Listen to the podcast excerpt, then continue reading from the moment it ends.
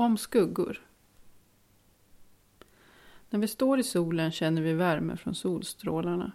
Det kan sticka lite i ögonen och i huden. I skuggan är det flera grader svalare. Kanske känns luften lite fuktigare och snällare. Men den största skillnaden mellan sol och skugga är hur det ser ut.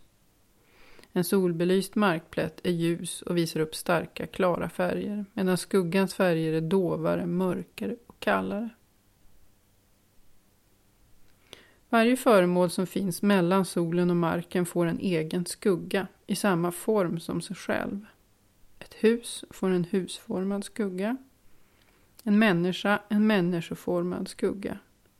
En tvådimensionell siluett som en pepparkaksgubbe på marken som sitter ihop med fötterna. Till och med minsta sandkornet har en pytteliten skugga. När jag går med solen i ryggen har jag skuggan på marken framför mig och går jag med solen i ansiktet är skuggan bakom mig. Solen är inte den enda ljuskälla som ger skuggor. I starkt månsken lämnar träden skuggor på marken. Inomhus har vi skuggor från lamporna. När det finns mer än en ljuskälla blir det flera skuggor från samma objekt. Om jag står på golvet med två lampor riktade mot mig från olika håll har jag två skuggor som faller åt varsitt håll. En annan intressant sak är formen på skuggorna. De är alltid lika breda som sitt objekt, men längden varierar beroende på hur högt solen står. Om solljuset skulle komma rakt uppifrån skulle min skugga bara bli en liten mörk fläck under mig. På kvällen när solen står väldigt lågt på himlen blir skuggorna utdragna, förvrängda. Benen på min skugga kan vara fyra meter långa. Tänk dig att du går längs en väg på natten. Med 20 meters avstånd längs vägen står gatlyktor. Rakt under varje gatlykta är ljust som på dagen och ju längre bort du kommer från lampan desto svagare blir ljuset. Mitt mellan lamporna är det som mörkast. Sen närmar du dig nästa lampa och ljuset ökar igen. Hur ser då skuggorna ut på den här promenaden? Först står du rakt under en lampa. Din skugga syns som en mörk fläck under fötterna. Du börjar gå. Nu har du ljuset i ryggen och det dyker upp en skugga på marken framför dig. Allt eftersom du går förändras vinkeln till lampan och skuggan blir mer och mer utdragen. Men den tunnas också ut allt mer för att till slut bara vara en svag antydan.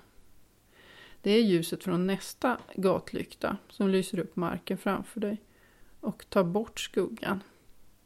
Samtidigt händer det något bakom dig.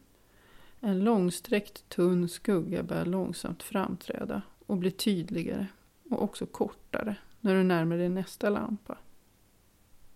Mitt mellan gatlyktorna har du två lika långa skuggor, en framåt och en bakåt. När du fortsätter gå tar skuggan bakom dig över och blir tydlig medan skuggan framför tonar bort. När jag var liten var jag väldigt fascinerad av det här fenomenet. Jag förstod inte hur det gick till och kunde knappt fatta att jag hade två skuggor. Jag brukade tänka att den ena var min rätta skugga och den andra en låtsasskugga. Ibland pratar vi om skuggning med det menas att en del av ett föremål ligger i skugga och därför ser mörkare ut. En välvd yta är nästan alltid skuggad på ena sidan. Det är så det syns att den är välvd. Vi kan också skapa en illusion av tredimensionalitet med hjälp av skuggning.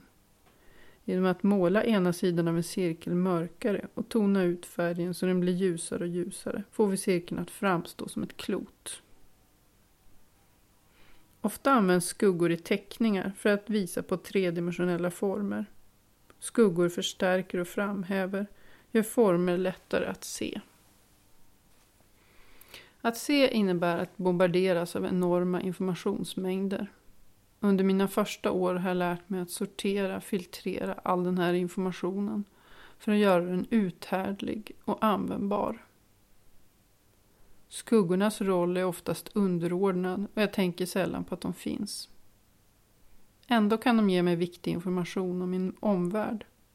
Skuggor kan visa former på saker omkring mig så att jag lättare kan bedöma avstånd.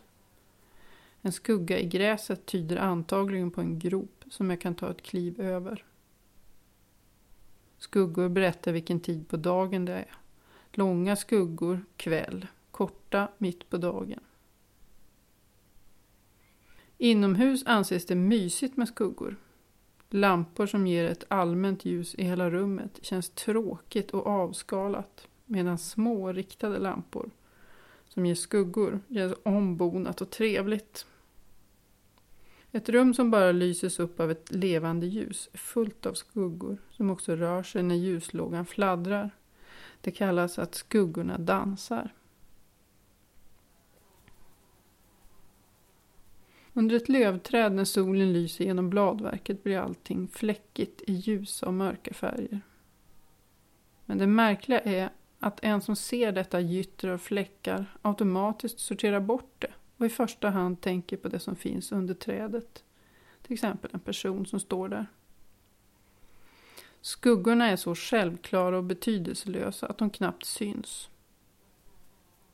Men för ett litet barn som för första gången blir varse sin egen skugga kan det vara en skrämmande syn. Jag ska visa avslutningsvis ett Youtube-klipp om ett litet barn som upptäcker sin skugga. En flicka i dryga ettårsåldern står på en starkt solbelyst parkeringsplats. Hon ser orolig ut och har en napp i munnen. What's the matter? Vad är det? Are you ready to go night? Är du redo att nanna? Come on. Kom, Come on, mama. kom till mamma. Barnet går osäkert framåt och sneglar mot marken. Hon tittar på sin nästan svarta skugga på asfalten bredvid sig. Hon vänder sig och försöker gå ifrån den.